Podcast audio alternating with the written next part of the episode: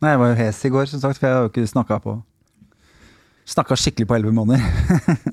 så nå snakka jeg med en venninne på telefonen hjemme, da, så jeg skulle få varma opp litt. Ringte deg fra Førde, som er enda mer skravlete enn meg. Så fikk vi ledd og, ledd og skrike litt. Jeg vil bare at du skal vite hvordan jeg har Det det. er ikke noe enkel historie å stå fram og fortelle. Angst er kroppen som sier fra om noe. Dette er Hverdagssyken, podkasten hvor vi sammen med gjester, både eksperter og vanlige folk, tar for oss de tabubelagte temaene og mental helse i hverdagen. Velkommen.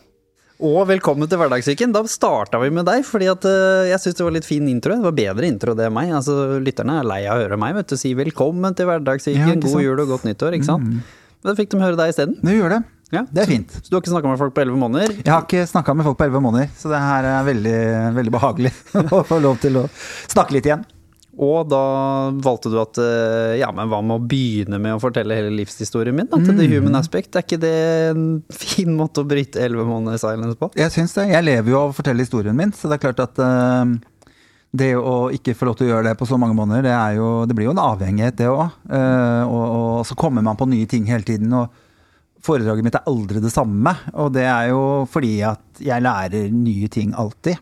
Ting forandrer seg. Jeg kommer kanskje med krass kritikk, da. Jeg er jo en sånn person som skyter fra hofta for å sette i gang også en, en, en følelse hos folk. Og da får jeg skikkelig hardt tilbake av og til, og mange av de som svarer, kommer med veldig gode argumenter for hvorfor jeg hadde feil. Og da er det med i neste foredrag. Sånn utvikler jeg foredraget hele tida. Det høres ut som en god teori. Og så er det det store spennende spørsmålet hvem er du, da? For det har jo ikke Ja. folk fått med seg. Så Nei, det er mange som kjenner det. stemmen din nå, men hvem Ja. er du egentlig? Tore Petterson heter jeg. Blitt 41 år gammel. Ser ikke sånn ut. Det er mye, ass. Viktig å si, ser ikke sånn ut. Nei, det er hyggelig. Nei. Og ikke minst, eh, vi skal snakke om eh, mobbing. Mm. Også kanskje spinne litt om hvordan samfunnet har eh, blitt i dag, for det snakket også litt om i går. Mm. Litt i det med at vi kanskje spiller opp at uh, halvparten av oss er fryktelig flinke til å snakke om følelser, men kanskje vi alle skulle hatt et eh, kurs i hvordan snakke om uh, Mm. følelser, som også mm, bunner jo ofte i kanskje hvorfor mange ender opp med å utagere, Mm. mobbe og gjøre ting, når det kanskje ofte er de som sliter mest selv hjemme, og heller kanskje hadde behov for en klem enn å slå noen, to be fair. Det, det tror jeg. Ja, Ja. jeg også. I hvert fall for mange. Man skal ikke ta alle over en kam, men, men det tenker jeg at det, det gjør jeg egentlig aldri. Men, eh, men jeg, tror det, jeg tror det er eh, veldig gjengs på veldig mange. Jeg syns jo jenter skryter på seg å være gode til å snakke om følelser, og det er ikke det jeg opplever med mine venninner. Jeg syns de sitter snakke, og kjaser. Det er de, og det er jo jeg òg. Jeg snakker også utrolig mye. Ja, det det, men det er jo ikke gitt at jeg sier noe, sier noe som kommer fra hjertet for det, liksom. Så, um, så det der å kjenne etter og snakke ut fra hjertet, det er eh, ja. Ja, fordi før vi går inn på mobbing og litt din bakgrunn Etter at jeg intervjua deg i går, så, så sa jo du det. Og så har jeg akkurat flytta inn i en ny eh, leilighet eh, med kjæresten. Og da selvfølgelig pga. korona så er det jo ikke så mange som kan komme på besøk. Så jeg tok en liten videosnutt etter at vi hadde pakka ut og sånn, og så sendte jeg den rundt til noen mennesker som jeg anser som nærme meg, da, for å liksom se her sånn da-da, ikke sant? Se hvor eh, fint Nå er det er, og nå er det bare å komme på besøk når dette gir seg, ikke sant. Og da har man jo en forventning til hva slags respons man får. Følte jeg var ganske blid på den videoen. Følte jeg hadde lagt litt sjel i det. ikke sant? Eh, Og først og fremst lagt sjel i at leiligheten var shina. da. Og så fikk jeg liksom litt sånne korte svar med litt ekstra emojis, og så tenkte jeg i forbindelse med det du sa, så er jeg bare sånn Har vi bygd et samfunn hvor emojis har blitt måten å uttrykke oss på? Har vi liksom, er vi der? At det liksom mine nærmeste så vidt klarer å skrive to setninger når jeg deler noe som jeg anser som Kjempe- veldig positivt og stort da, Ja. i, i mitt liv. Hva tenker du det? Nei, jeg tror For det første så er vi ikke så glad i at andre har det bra, eh, når vi sjøl ikke har det noe fint. Jeg kjenner få mennesker som liksom helt ut Mange er gode på det. Eh, jeg føler at jeg har blitt veldig god på det, men jeg jobba også veldig hardt med det. Å kunne glede meg over andre. For det er klart, i den bransjen jeg er i, hvor du ser alle kollegaene mine få lov å være med på alle TV-programmer hele tiden, og jeg aldri blir spurt, så kan man fort sitte og bli sur på alle TV-programmene. Er hun der òg? Han dukker opp overalt, jeg får ikke være med på noe. Eh, så istedenfor å sette seg ned og være bitter på det, og tenke liksom ok, min tid er ikke kommet ennå. Eh, men så tror jeg også at vi vi får veldig mye tilbakemelding fra veldig mange, og veldig mange viser bare det som er fint. Og det er jo det som gjør det så vanskelig når ting er blitt så polarisert som det er i dag. For det er bare ytterpunktene. Det er de som har det helt jævlig, som legger ut sånn altfor personlige ting. Sånn Ja ja, dette skulle tydeligvis bli en dag å skille seg på. Eh, og så ikke noe mer, hvor du sitter og tenker sånn eh, Jeg orker ikke. Liksom. Jeg orker ikke å spørre. Jeg, dette blir for mye. Nå legger du masse av dine følelser over på meg, eh, uten at du på en måte tar noe ansvar for de selv, og, og, og, og skriver ting i affekt. Eller så er det de som bare legger ut Jeg har jo venner som det ser ut som bare går til frisøren og vasker gulvet. Det er det eneste de gjør. Så legger de ikke noe ut i mellomtida. Så det er klart at ofte så er det sånn at jeg til og med syns det er vanskelig å sende en emoji på det. Fordi at jeg er så drita lei av å se det nyvaska gulvet deres. Så jeg tror kanskje at det mange blir som så hauser opp mye hverandre, Ja, som du også ja. nevnte litt om i går. At liksom det alltid er de samme folka Mm. som sier 'er så fantastisk eh, flink' og 'heia, heia'. Og så Mm. føler du nesten at det er copy-paste av samme setningen. Ja. Fra de åtte andre innleggene du har sett samme personen kommentere. Ikke at det er noe gærent i å være positiv til hverandre, men jeg sitter igjen med hovedkonklusjonen er at det er uautentisk. Både fra finne nærmeste om noe personlig som jeg delte på privat melding, og når jeg kanskje legger ut et nytt profilbilde eller en ny episode, eller kanskje har fått til noe. Så føler jeg at det er uautentisk. Det er et eller annet med det samfunnet vi har bygd opp hvor jeg bare sånn Nå følte jeg ikke at du la innsats i det Nei. rett og slett. Og da, som du sa, jeg har satt, lært meg å sette ekstra pris på de menneskene som er flinke til å glede seg over andre menneskers innsats eller oppnåelser. Bestemor var jo enestående på det, som vi mista for mange år siden. Mm. Det var en av hovedgrunnene til at jeg ble forelska i kjæresten min. Og eh, en av mine nærmeste venner og kollegaer som har vært med på podkasten mange ganger, Katrin utrolig god på dette her. Og jeg har lagt merke til at det setter jeg ekstremt pris på. Og jeg har også sett litt i venneflokken min hvor jeg har tenkt ja, faktisk alle de vennene jeg sitter igjen med nå som jeg bruker tid på, nesten alle de har dette som en av sine største styrker. Mm. jeg tror ikke det er mangelvare. Ja, jeg også tror det. Men jeg tror det er forståelig at det er vanskelig. Vi får jo ikke lov til å kjenne på følelser fra vi er bitte, bitte små. Eh, Jeg tenker jo vi er vokst opp i et samfunn og så tenk at Skolesystemet vårt er bygd opp på at hvis du sitter stille, gjør leksene dine, spiser opp maten din, ikke kaster den i søppelkassa, gjør som du får beskjed om, ikke snakke mot læreren. Og så alle disse tingene som er sånne eh, som, som, som var veldig på, egentlig, For meg minner om sånn 50-60-tallet, og egentlig burde vært borte i dag. Eh, hvor, hvor barn skal, barn skal ses og ikke høres. Eh, da, da får du kjærlighet, og da blir du bekreftet. Eh, mens alle disse andre følelsene du kommer med, som sinne og når du er lei deg, og når du driver med ting og utagerer på ting, det er ikke vi noe interessert i at du skal holde på med. Så da lærer jo vi som, eh, som fra barn opp i ungdom over i voksen at å ja, jeg er ikke verdt noe.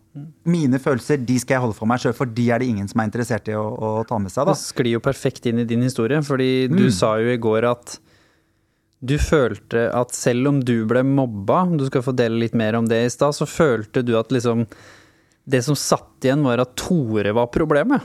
Selv om du ble mobba, som høres en antiklimaks ut, men det var det du satt igjen med, mye av det du sa nå, tror jeg. Mm, absolutt. Så hva var det du følte på, og hvorfor var det du følte at du var problemet? Hva var feedbacken fra samfunnet rundt deg når du vokste opp som gjorde at det var den tanken du satt igjen med?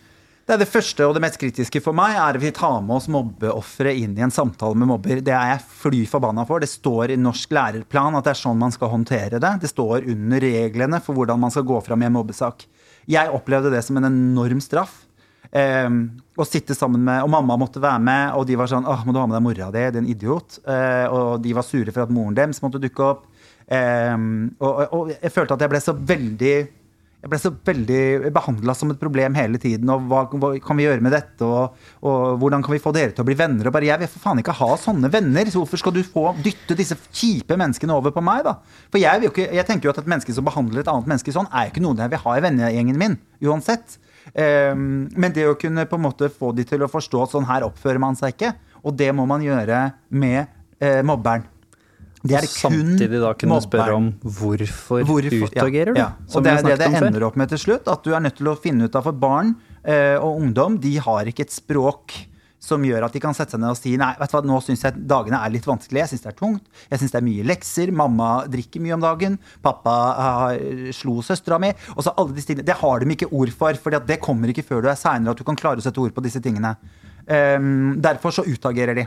Så jeg tenker jo at det viktigste er jo at vi har folk i, i skolesystemet vårt som er flinke til å lese lese barns øh, oppførsel og skjønne hva det handler om. Og det er ikke så forbanna viktig. Det er ikke sånn at når du gjør sånn, så blir du misbrukt. Når du gjør sånn, så blir du slått. Når du ser et barn som utagerer, Så spør. så spør, for da er det noe som er gærent. Og da må du bruke litt tid på det og prøve å finne ut av hva er det som er, er, det som er gærent. Og jeg ser jo på mitt liv at jeg har vært heldig fordi jeg har to søstre som er glad i meg. Vi har veldig nært og fint forhold. Jeg har mamma og pappa som har kjempa for meg og vært glad meg, i meg og støtta meg. Sånn at jeg ser jo at hvis noen hadde giddet å bare tatt ansvar og, og gått inn i livene til mobberne mine, eh, som jeg da i senere tid fikk vite hadde en ganske tøff historie, de aller fleste av dem, og veldig mange av de er borte i dag, de lever ikke i dag, eh, så hadde livet mitt vært ganske annerledes. Og egentlig tror jeg det hadde hatt det helt ok. Jeg hadde sikkert funnet noe annet å være fortvila for, for det gjør vi jo. Det er ikke det. Men, men jeg tror ikke på en måte at de arrene og de, de eh, traumene jeg har fått av å gå rundt og være så mye redd som det jeg har vært, hadde vært de samme um, om de hadde gått inn og, og For da hadde jo da hadde man jo tatt uh, ungdom på alvor og skole, skolemiljøet på alvor. slik at flere, For det er, ikke sånn at vi bare mobba meg. Nei, nei. Ikke sant? Så du ville ryddet opp i manges liv hvis du hadde tatt tak i der hovedproblemet er. Hvorfor legge ut masse arbeid på de 20 mobbeofrene som er på skolen, eh, og få de til å føle seg dritt, istedenfor å ta tak i den ene som gjør at, at det blir sånn. For ofte er det noen som styrer og går foran, og så er det noen som blir med, og så er det noen det går utover. Så jeg tenker da må du legge inn støtet der hvor hovedproblemet ligger. Og da syns ikke jeg Noen ganger er det sikkert det. Men jeg syns jo ikke det å flytte mobberen, for eksempel, er fordi at faren er fremdeles den samme. Mora er jo, drikker jo like mye. Eh, så vi Så da får mobberen bare begynne å mobbe noen på en annen skole. ikke sant? Så det å flytte det videre, for dette her handler om indre ting. Og jeg synes jo, Det er ikke så lenge siden jeg var på en, eh, en videregående hvor lærerne fikk eh, 50 kroner i bonus for hver røyker og snuser de tok.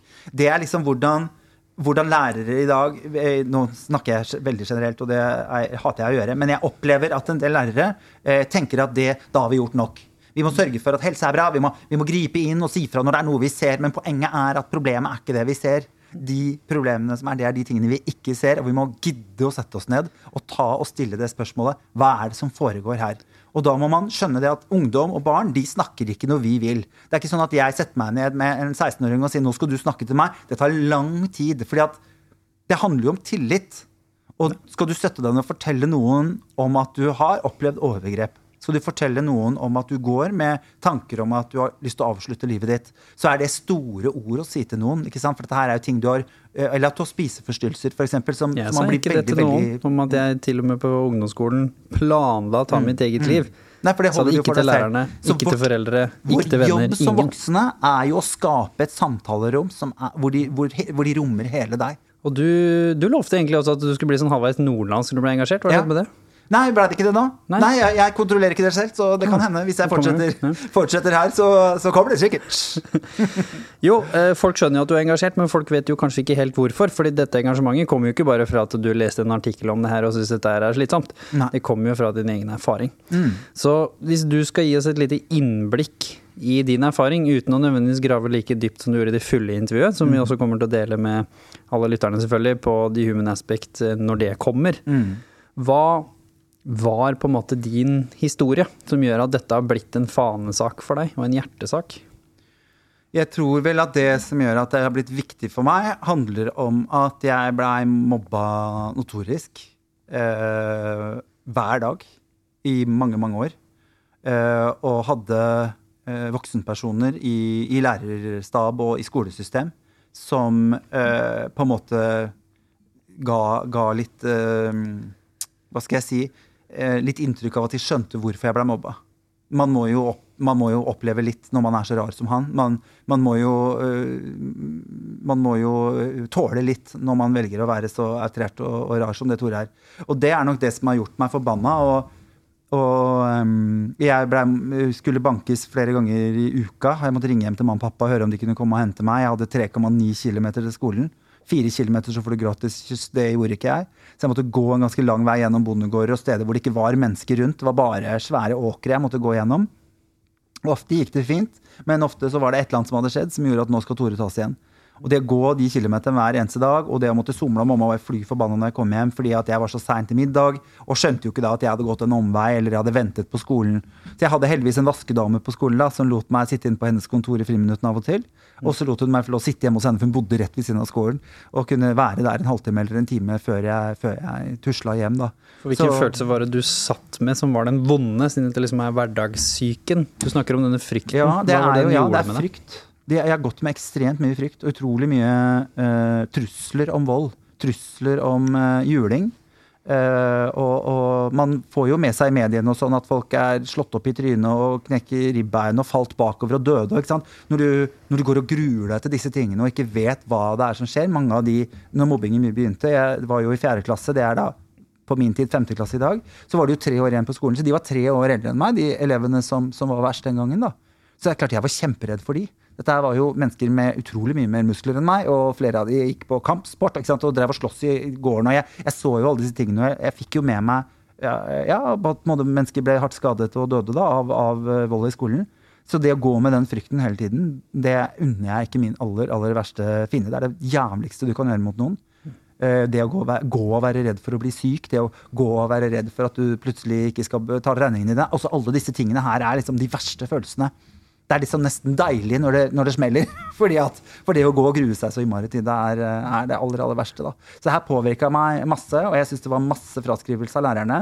Eh, Jeg syns de påla meg altfor mye av ansvaret. Og jeg begynte å se etter hvert eh, som jeg ble eldre, at her er det ting som kan gjøres. Her er det enkle grep som kan tas. som, som kan forandre hverdagen til de som har det sånn som meg i dag. Da. For det var overraskende når jeg begynte å på en måte se litt inn i det og oppdage hvor mange det var som hadde det sånn som meg. For jeg trodde jo ikke det var sånn lenger at skolen skulle tok si det, Nå kan jo noen beskylde deg for å tenke at jo, jo, eh, Tore, altså du kommer fra, fra Tramby, Mm. der eh, ingen kunne tro at noen kunne bo. Jeg har gått på St. Halvard, så det er jo Mm. nærme nok. eh, Og du, blir en, nei, du er en erfaren mann, så Mm. nå tenker du nå er det bedre, vet du. Men statistisk sett så vet vi at over 60 000 mennesker blir mobbet til enhver tid Mm. i Norge. Dette tallet har vært litt opp og ned, men det er fortsatt eh, Det er veldig veldig høyt og ganske jevnt. Og jeg Og kommer jeg fra Hurum, og det var like ille. Eh, Jeg syns Jo, én er for mye. ikke sant? Og det er der Og du har også holdt masse foredrag. Mm. Så det er jo ikke sånn at når du holder foredrag, så får jo du selvfølgelig feedback Mm. fra folk, på samme måte som jeg gjør. Så du har også sett at problemet kanskje ikke har blitt så mye bedre. Ja, jeg opplever det. Og jeg opplever ikke at viljen ikke er der. Eh, Jeg opplever at de aller fleste Jeg har vært på noen skoler eh, hvor det er eh, mye menn eh, i, i 50-60-årsalderen som er sjef for eventuelt. Mekken og, og elektronikklinja, som syns at dette er helt hårreisende idiotisk, det jeg står og snakker om. Som er et kjempeproblem, selvfølgelig. For mange av de som velger mekaniske fag, har vanskelig livet bak seg og ikke har hatt muligheten til å bruke tid på skole. Eh, og det skjønner jo jeg godt, fordi jeg selv også er uten utdannelse. da. Eh, som jeg har skamma meg for i mange mange, mange år. At, at hvorfor er jeg så mye dummere enn alle andre? Det er lett å føle seg dum. Men jeg ser jo det, og jeg sier det ofte, at jeg, hvordan skulle jeg klare å bruke tid på algebra og, og brøk og, og norrønsk mytologi når jeg alt jeg brukte tiden min på, var å lure på hvordan jeg skulle komme meg fra et klasserom til et annet. Jeg hadde så mye frykt, og det var så mye ting som skjedde inni meg. Og ingen, ingen virket som at de ønsket eller gadd å, å gjøre noe med det. da. Eh, eller evnet å gjøre noe med det. Så jeg tror jeg opplever at viljen til å gjøre ting er der, men jeg syns at metodene de bruker, er feil. Og det er derfor jeg fortsatt reiser rundt med foredraget mitt. Noen av skolene har tatt i bruk en del av de rådene jeg har gitt dem. Der har det blitt bedre. Jeg har redda liv, jeg har brev og jeg har mailer hjemme fra folk som har, eh, har eh, fått, fått et mye bedre liv etter at jeg ba dem å drite i matteprøven eller å, å gi faen i samfunnsfaggreia, hvis det er det som gjør at vi ikke orker å leve lenger. For ofte så er det jo det at vi, vi sammenligner oss så fælt. da. Jeg pleier å drømme om en verden uten sammenligning. Så deilig det hadde vært hvis vi hadde bare over natta slutta å sammenligne oss med, med andre mennesker og tatt utgangspunkt i oss sjøl. Uh, og jeg tenker vi er født med en gullskje i ræva i Norge. liksom. Du kan ta opp matte. Du kan, jeg kan starte på legeutdannelse i morgen hvis jeg har lyst. Uh, måtte selvfølgelig tatt opp noen fag og sånn, men, men uh, jeg, jeg kan det. Jo, Jeg har noen vanvittige er muligheter. Sånn at det brenner ikke på kjøkkenet noe sted. ikke sant? Og Derfor så skjønner jeg ikke eh, hvorfor, eh, hvorfor man skal drive og pushe så innmari på med disse fagene, og, og heller liksom begynne å ta Og jeg tenker at Legger vi igjen litt arbeid nå på, på ungdoms psykiske helse, hvis vi eh, begynner å ta tak i disse psykiske problemene som hvert enkelt elev har for jeg, jeg pleier å si at vi har skapt en verden som kun passer for den perfekte. Og siden ingen av oss er perfekte, så betyr det at ingen føler at de passer inn. Jeg har fortsatt ikke møtt ett eneste menneske, ikke ett menneske, og jeg kjenner, møter mye folk, som sier 'jeg passer inn', jeg. Norge er helt uh, Verden er for meg, liksom. Jeg har alt der, liksom. I så fall så er du full av kokain, liksom. Fordi det er, det er bare ingen som gjør det. Og vi går og tenker at alle andre får til, at vi ikke får til det. Selv de som på en måte kanskje av samfunnet blir løftet frem som de som får til. Du har jo selv vært en, en sånn person selvfølgelig hvor du av samfunnet har, gjennom hardt arbeid og muligheter og flaks og alt om hverandre, vært en sånn person. Og hvor, eh, som du sier, sikkert du også på lik linje da akkurat følte det samme. Jeg får Nesten verre. Fordi eh, når jeg ble med i Farmen, for eksempel, eh, så snakket jeg Vi har, jo psykologer rundt alle disse TV-programmene. Eh, og hun hadde heldigvis fulgt litt med på min karriere, da, så hun hadde litt fine ting å si til meg. Men jeg sa bare at nå føler jeg at nå føler jeg langt, langt ned å falle. Og så nå har jeg kommet så høyt opp. Så jeg, begynte, jeg begynte å kjenne at jeg begynte å få panikk. Jeg, jeg likte ikke å sitte i den settingen, fordi at jo høyere opp man på en måte kommer, Må eh, så, så må man opprettholde det. Og, og hvis, hvis du tryner, så tryner du så langt ned. Og da sa hun til meg at uh, Hedrick Montgomery, etter hun, da en kjent psykolog, så sier hun Tore, jeg har fulgt med på din karriere, og du har gått hvert jævla trinn i den trappa. Så du, du faller ikke langt. Og det var så deilig for meg å høre fra noen som hadde fulgt med, da. Og sa at liksom, du har ikke plutselig blitt med i Idol over natta, og alle visste hvem du er. Altså, da, da, er det, da er det langt ned, for du går fra null til 1000 på noen få sekunder. Men jeg har jo gått en lang vei, og det var litt sånn deilig at hun sa til meg å, å jobbe liksom med å tro på det hun sa til meg der, da, for å gjøre ting, eh, ting eh, bedre og, og hverdagen min enklere. For det sitter jo litt eh, i, for konsekvensen av mobbing for deg, sånn helt sånn praktisk sett, var at når alle andre skulle videre, og du hadde overlevd videregående, det var vel nesten litt sånn du så på det også, Ja. overlevd videregående, Det var vel det. så orka ikke du tanken engang på det. Så det blei, som du sa så fint i går, et uh, friår som førte til 21, snart 22 år friår. Så kan ikke du fortelle litt om hvorfor det var så uaktuelt, og hvordan det var knytta opp til den derre frykt-tiåret som du hadde bak deg? At du bare Jeg orker faktisk ikke å gå inn. Og selvfølgelig, som du sa, at du hadde mista såpass mye av kunnskapen underveis, fordi du hadde ikke orka tatt det til deg. At du følte kanskje ikke at du var på et nivå hvor det var noe vits å søke heller. Enda du hadde Du var jo steingod på, på musikk og skuespill. Ja, jeg hadde jo mine ting, og det er klart at når du lever i tolv år og får eh, et sterkt inntrykk av at alt det du er god på, ikke er verdt noe, så slutter man til slutt å ha troen på seg selv. Eh, heldigvis. Eh, de sier jo det at det skal ett menneske til, som er forskjell mellom et selvmord og ikke. At ett menneske ser deg. Jeg har alltid vært blid. Eh, eh, en, glad, en glad person. Jeg har alltid likt mennesker. Det tror jeg har vært mye av grunnen til at jeg har eh, overlevd, rett og slett. Um, for da har jeg hatt av og til mennesker. Det var en lærer på barneskolen som sa til foreldrene mine bare i gangen om vi gikk forbi ja, han der blir nok en ny Fred Astaire. Og jeg ante ikke hvem Fred Astaire var, men jeg tenkte det høres jo fabulous ut. Uh, så det er sånne små minner, og, og bare det at det betyr så mye for meg. En ting som er sagt i forbifart av en lærer, betyr så mye for meg. Sier hvor sjelden jeg hørte fine ting. Ikke var jeg god i matematikk, men jeg var utrolig god til å tegne. Eh, og jeg elsket å sette opp eh, altså alle disse her eh, trekanter og ikke sant? alt det her som er i matematikken. Det synes jeg jo egentlig, Så egentlig syns jeg jo matematikk er gøy, men det å hele tiden hvor det blir fokusert på det du er dårlig på Du får aldri noe oppmerksomhet når du gjør noe som er bra, fordi du er jo en dårlig elev, du er jo en sånn som ikke kan matte. Så får man ikke noe, noe tro på det. I norsken jeg, var, jeg husker alle tingene vi gjorde en del av Håvamål på, i, i teater istedenfor å lese det. Det husker jeg fremdeles. Så det er jo et eller annet med at vi lærer på forskjellig måte. Og jeg har aldri på en måte fått en kred for at det jeg var god på. Jeg var dritgod til å danse. Jeg hadde alle nei, gymtimene hele videre, nei, ungdomsskolen. Syvende, åttende og 9. klasse.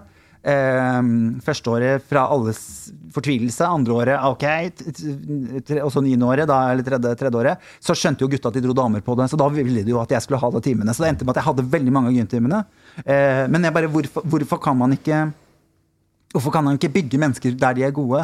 Og, og sørge For jeg tror at, at hvor, hvor man ender, det veit man ikke. Og jeg hadde en helt annen plan for livet mitt enn det, enn det det har blitt. Men fy fader, så mye gøy jeg har hatt det på veien. Kanskje nettopp fordi jeg var nødt til å finne en annen vei. Kanskje nettopp fordi jeg var nødt til å gå en annen, en annen omvei eller en annen, annen snarvei eller hva det er. For å, for å komme fram i livet. Og jeg har bestemt meg for at ok, dette er det jeg ønsker meg. Eh, men så får jeg ta livet som det kommer. Og alle de tingene jeg har vært innom med natt-TV, som jeg har jobbet i før, og, og um, Før du snakker om alle lærdom nå, men sånn alle. Hva var det så har det resultert i at jeg er der jeg er i dag. Det er det det handler om. ikke sant? At jeg hadde ikke kunnet vært i den situasjonen jeg er i dag hvis jeg ikke har alle disse årene med erfaring på de andre tingene. For alle disse tingene gjorde meg god i det jeg holder på med i dag, da. Ja, men for mange av de som sitter og hører på nå, som kanskje ikke har kommet helt litt dit ennå, hvorfor, hvorfor satt du med den følelsen av at det å studere videre er uaktuelt? Jeg uh, har aldri fått noe, noe selvtillit på, eller uh, god, god følelse på, uh, på skoleting. Og jeg følte at alt jeg var god på, ikke hadde noen verdi. Eh, så da tenkte jeg jo at da må jeg jo, må jeg jo gå videre en annen, en annen vei, som, som ikke handler om realfagene, som jeg aldri var spesielt god i. Jeg elsker jo historie, og jeg leser mye bøker. Så egentlig, hvis de hadde klart å tenne disse tingene i meg tidligere, så kunne jeg lest enda mer, men det klarte de ikke. Eh, og, og um, Mobbingen gjorde jo også da at du, hadde ikke overskudd til å følge med. ikke jeg, har ikke jeg hadde ikke noe selvtillit. Jeg var helt uh, broken. Tre, tre år på videregående for meg var i et, Det er et tåke tre år for meg, liksom. Fordi det var så mye følelser og det var så mye kjipe ting som, som skjedde. Og ingen som tok, tok tak i det. Det var ikke gjennom videregående. Det var, det var én lærer som kom til meg og sa hvis du er homo, så er det helt ok. Uh, og jeg var sånn nei, nei, nei, nei, nei, for da var jeg fortsatt ikke ute av skapet. Men det var det er én gang, og det var i første klasse på tre år i videregående, da, hvor jeg, hvor jeg ble spurt går det går det fint. Og det, det, det er jo et kjempeproblem med å være blid. Det er jo en av bakdelene med å være eh, utadvendt. Det er at du er god på å spille skuespill. Det er det samme som spiseforstyrrelser. Det er det samme som mennesker som har superøkonomiske problemer, som, som går og skjuler det og later som om alt er ok. Du blir god til å legge opp et, et skjold da, for at du skal beskytte de innerste tingene. Og da må man tørre å orke å sette seg ned og ta de samtalene, så vil så vil de problemene komme frem etter hvert. Så klart, det å studere for meg, som bare minner meg om mobbing, bare minner meg om dritt, bare minner meg om lærere som sier 'dette er ikke bra nok', 'du er ikke bra nok', eh, for det er det du føler. Du er ikke bra nok. Og det tenker jeg at det må man også tenke på når man gir tilbakemelding på hva folk gjør. At man gir tilbakemelding på det man faktisk har gjort, og ikke på at du er et dårlig menneske. Eh, og at man tar hver eneste oppgave som blir levert inn, eh, like seriøst hver gang. For jeg har litt ekkel følelse av at folk bare satte en treer på, på mine prøver fordi de visste at jeg var en treer. Og det er en ekkel, ekkel følelse, for jeg fikk aldri noe tilbakemelding. For uansett om du gjorde det Om du hadde en god dag eller en dårlig dag, så følte du fikk en treer uansett? Jeg fikk det uansett, så hvorfor skal man gidde å legge inn arbeidet? Jeg hadde også eh, oppgaver hvor jeg tenkte at nå skal jeg ta meg sammen. Eh, kontaktet noen på skolen som var dritgode, satt i flere uker og øvde og øvde, øvde, og får den samme treeren på prøven. Så tenker jeg liksom Ok, hvorfor skal man, hvor skal jeg finne energien til å gjøre, til å gjøre dette, da? La oss snakke litt om også, fordi det som er litt spennende, er at vi har kommet til et samfunn hvor eh, en mastergrad er like vanlig som eh, på en måte å være ferdig på videregående, nesten. Mm. Det er selvfølgelig satt veldig på spissen, statistisk, men det har økt. Som gjør at det er flere som har en mastergrad, flere som krever det, osv. Du har eh, ikke fullført eh, høyere utdanning, samme som meg. Jeg har ett år på høyskole, nesten ferdig med bachelorgrad. For så vidt eh, lignende historie som deg i bånn også. Snakk litt om den skammen, fordi du har jo vært suksessfull, men allikevel så har du følt skam og noen ganger i visse situasjoner at du ikke er smart nok, som er jo et ekstremt paradoks som jeg tror folk ikke snakker nok om. Jeg skulle ønske at jeg hadde noe å vise til. Eh, og jeg har jo liksom sagt at jeg syns at en masteroppgave er en rar måte å vise at du er god på et helt fag, fordi du leverer en ganske smal oppgave.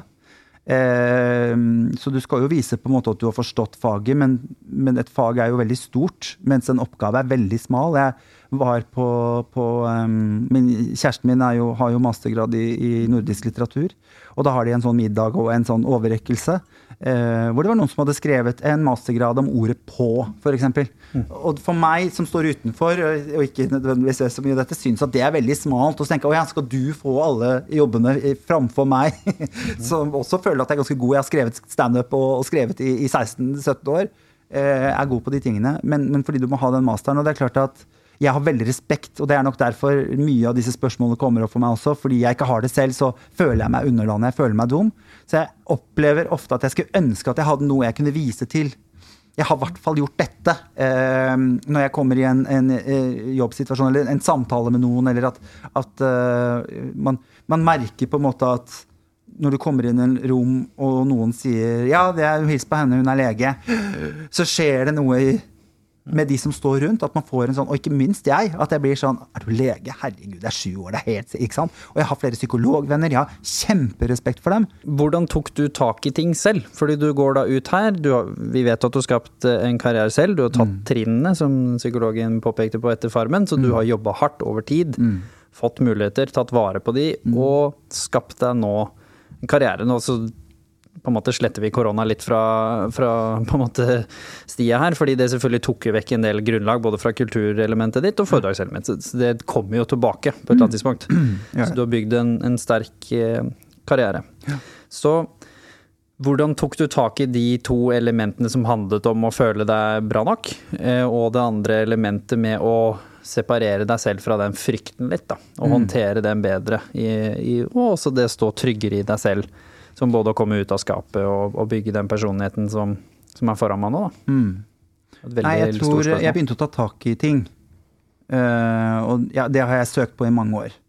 Jeg har prøvd meditasjon. Uh, jeg, har, jeg snakker jo mye med, med folk. Jeg interesserer meg jo for mennesker som f.eks. psykologer. Jeg liker å snakke med dem. De sitter på en del kunnskap som jeg syns er eh, veldig interessant. Ikke alltid jeg er enig, eh, men hatt mye fine samtaler. Og sak, eh, sakte, men sikkert tenkt at jeg skal i hvert fall være ærlig med mine egne følelser. Eh, og jeg skal bearbeide mine egne følelser, så ikke dette preger meg hele livet. Ja, og da kan man jo løpe litt rundt i blinde, fordi det er jo lett å si, vanskelig å gjennomføre. Ja, så hvordan gjorde du det? Hvorfor var det så viktig? Og det Nei, jo det var jo viktig både fordi jeg merket at det å holde foredrag om det er, en, er en, en liten form for terapi, men du blir jo ikke ferdig med det. Du drar det jo bare opp igjen og opp igjen, og opp igjen, og du kan fint snakke om det i mange timer uten at det nødvendigvis gjør noe med den følelsen som sitter inni deg. Fordi eh, traumer og angst, alle disse tingene, er jo fysiske eh, eh, problemer ikke sant, som setter seg i kroppen. Så hodet ditt skjønner at det er helt merkelig, men kroppen din klarer ikke å slippe det da. Så jeg, opp, eller jeg hadde et foredrag For Oslo, Oslo er veldig vanskelig å komme inn i. Jeg har prøvd å, å få holde foredrag både for, øh, for øh, Oslo bystyre og for skoler. og De skolene jeg har vært på, har vært helt fantastisk. Og det har vært en utrolig mottakelse å få lov å være der. Og de sier 'hvorfor er ikke dette overalt', dette må vi få ut flere steder. Men Oslo er veldig trangt. For det å få foreldre til å komme på foreldremøte til og med er sånn, for den ene ungen skal på fotball, den andre skal på ski, og den tredje skal på, ikke sant. Um, men, jeg, men jeg kjente at, eh, at det var fint å, å snakke om det, men, men noe mer må jeg gjøre. Og så holdt jeg et foredrag på, på Vulkan i Oslo. Og der kom bl.a. søsteren min, eh, som hadde booket et, et eh, foredrag med meg til en del barnehager i, i Bærum. Ehm, som har snakket med min manager, og min manager sier eh, Jeg vet ikke hva det er, men jeg bare føler at hun har jobbet som caster i mange år. Hun er jævlig god på folk. Og så sier hun jeg føler at søstera di må møte min venninne Gunn. Eh, Men hun kommer på det foredraget, så da ordner vi det der. Eh, Og de møtte hverandre. Og Gunn går og er akkurat ferdig som utdannet EQ-terapeut på EQ-instituttet i Oslo. Eh, Og fortalte hvordan det er å jobbe i en EQ-barnehage. Eh, Det er en barnehage hvor de eh, har hovedfokus på å utvikle barnets emosjonelle intelligens. Eh, Syns at læring er mindre viktig, men det at du skal lære deg å sette ord på de følelsene du har inni kroppen din, også når du er sint, når du er glad, når du er lei deg. Se hele spekteret av de følelsene barna har. Eh, og søsteren min sier 'Å, herregud, det hørtes utrolig spennende ut'. Si fra hvis du har en jobb til meg òg. Eh, for da jobbet hun i en annen barnehage. Og så sier hun 'Ja, kan du ikke komme på intervju på tirsdag'? Og da begynte hun å jobbe i EQ-barnehage. eh, Og det innbefatter at du får eh, 18 måneder med EQ-utdannelse. eh, Hvor du tar deg selv som utgangspunkt. Det er liksom greia med å jobbe der. Hvor du skal lære deg å sette ord på dine egne følelser. Fordi eh, det det handler om, er at slik du ble møtt, vil du møte andre. Og det at du har en far som sier ja, nå må du komme deg på beina, og gutter gråter ikke, og dette går fint, og du er tøffing, vet du, og alle de tingene her, det tar du med deg. For det er det eneste måten du kan møte barn på, fordi du har blitt møtt sånn så lenge. Så det du gjør, er at du går inn i disse mønstrene og forandrer på de, og gjør de om til opplevelser hvor du ble behandlet slik du burde blitt behandlet, og slik du behøver å bli sett og hørt. da. Så det syns jeg var så spennende. Eh, Så jeg ble med på noe som het EQ-mandag, som er et sånt eh, lavterskeltilbud hvor du får en liten introduksjon, og jeg også fikk en terapi. Som var groundbreaking for meg. Det var eh, Det kom opp så innmari mye forholdet jeg har til mamma og pappa. Barnløshet. Jeg har jo ikke barn. Har alltid tenkt at det har jo jeg tatt et valg om selv. Jeg skal jo ikke ha barn. Eh, Men så plutselig følte jeg bare nei, faen heller, jeg har jo ikke tatt det ansvaret. Det er samfunnet som har gjort det vanskelig for meg. Hadde det vært lett for meg å få et barn, slik som det er for andre som bare kan gå og knulle noen og, og bli på tjukka, så hadde jeg nok mest sannsynlig hatt barn, for jeg har mye kjærlighet å gi. Sikkert derfor jeg ønsker meg bikkje så fælt òg. så det, det kom opp så innmari mye følelser, og jeg gikk på en del av de mandagene. Og for hver gang så dukka det opp så store ting, og jeg følte meg så eh, rensa når jeg dro derfra, selv om man blir jo sliten av å jobbe med det her. Så følte jeg meg så rensa. Så etter å ha gått en stund på det, så snakker jeg med hun som driver skolen, og så sier hun du vil ikke bli terapeut da, Tore. Og jeg har jo jobbet som foredragsholder i mange år. Jeg har, eh, jeg har hatt oppimot 200 foredrag i året. Gjerne i Bergen og Trondheim og Tana i løpet av en uke. Eller det er et eksempel på en uke jeg har hatt. Så da kjente jeg at eh, jeg klarer det nå, og jeg syns det er gøy. Men når jeg nærmer meg 50, nå er jeg 41, så jeg går jo mot, mot 50, og man blir mer sliten med åra. Så enkelt er det bare. Så tenker jeg det orker jeg ikke. Og så har jeg fått meg kjæreste, vi har kjøpt leilighet sammen. Jeg har lyst til å tilbringe tid med han. Hva kan jeg gjøre annerledes? tenkte jeg, terapeut. Kan både ha det med meg på jobb, men jeg kan også jobbe som terapeut og nå inn til mennesker med det budskapet jeg har om egenkjærlighet. For det er det det handler om, at du skal begynne å like deg sjøl. Så gjennom ett år så vil jeg si at det jeg har lært aller høyest, og den største lærdommen jeg har fått på dette første året, det er treårig, det er å være glad i meg sjøl. At jeg må være min største fan. Uh, hvis jeg or Orker du å høre den historien? Den er, jeg skal prøve å gjøre den veldig kort, men jeg syns den var veldig fin, og den blei veldig sterk for meg. Jeg har vært dommer i Skal vi danse i fem år. Uh, en jobb jeg har fått ekstremt mye kritikk for. Fordi folk vet ikke hva slags dansebakgrunn jeg har. Uh, jeg var jo danser til jeg var i 20-årene eh, sportsdanser. Og, um, og, jeg har hatt, stått på scenen som skuespiller, eh, sanger, eh, av og til litt dans. Eh, jobbet mye innenfor TV-ting. Jeg, jeg, kan veldig mye om scenekunst, og jeg har vært komiker i 16 år. Så de i Skal vi danse ønsket jo noen som kunne være litt artig, litt sånn morsomme, men de måtte jo ha dansebakgrunn, så de tenkte Tore er jo det. Uh, og, og, jeg fikk tilbud om jobben har fått utrolig mye tyn. Og det er det samme igjen når du hører noe mange nok ganger. Så tror du til slutt på det. Ja. Så jeg begynte å føle meg skikkelig utilpass av å være der. Jeg syntes det var ordentlig ubehagelig. Jeg satt lørdag etter lørdag. Jeg grua meg. Eh, spesielt på slutten, eller egentlig den sendingen som, eh, de sendingene som var i fjor, eller forfjor, da. Syns jeg var veldig veldig tunge. Jeg grua meg. Jeg fikk så mye drit, og jeg var så sliten. Begynte å minne om skolen? Det begynte med å minne meg om skolen. Det begynte med å, og jeg følte at de som var der, ikke hadde respekt for meg. At de snakka meg ned. At folk snakka meg ned. Jeg gikk og kikka på folk og lurte på om de egentlig jeg kunne stole på dem, om de var glad for at jeg var der. Jeg begynte å stille meg masse helt sånn vanvittige spørsmål hele tiden og følte meg utrygg. Så det det endte med, og det utdannelsen min handler om, er å gå tilbake og bli kjent med lille Tore, da, han jeg var når jeg ble mobba, og gi han en ny historie. Så det jeg til slutt gjorde, var å ta med meg lille Tore på Skal vi danse. For han var jo ikke på danseskole og skulle bli superstjerne. Jeg skulle bli Michael Jackson, så jeg er glad jeg ikke blei han akkurat nå. av mange grunner. Eh, men det var jo det jeg ville bli, superstjerne. Men han hadde så store drømmer, og så tenkte jeg fader heller, så blasert går det, an, går det ikke an å bli. Jeg må ha med meg han. Så jeg satte han ved siden av meg og kjente nærværet hans hele tiden av at han satt der, og hvor stolt han var, og hva han ville sagt hvis jeg hadde sagt til han som 12-13-åring at du skal bli dommer i Skal vi danse. Og da snudde hele min energi. Både på sending. Og det rare var at ja, fra å ha hatt Jeg har jo vært øh, veldig veldig mye negative ting, men jeg har også fått mye positivt underveis. da. Uh, så tre, fire, femdobla de positive meldingene seg, og de negative forsvant.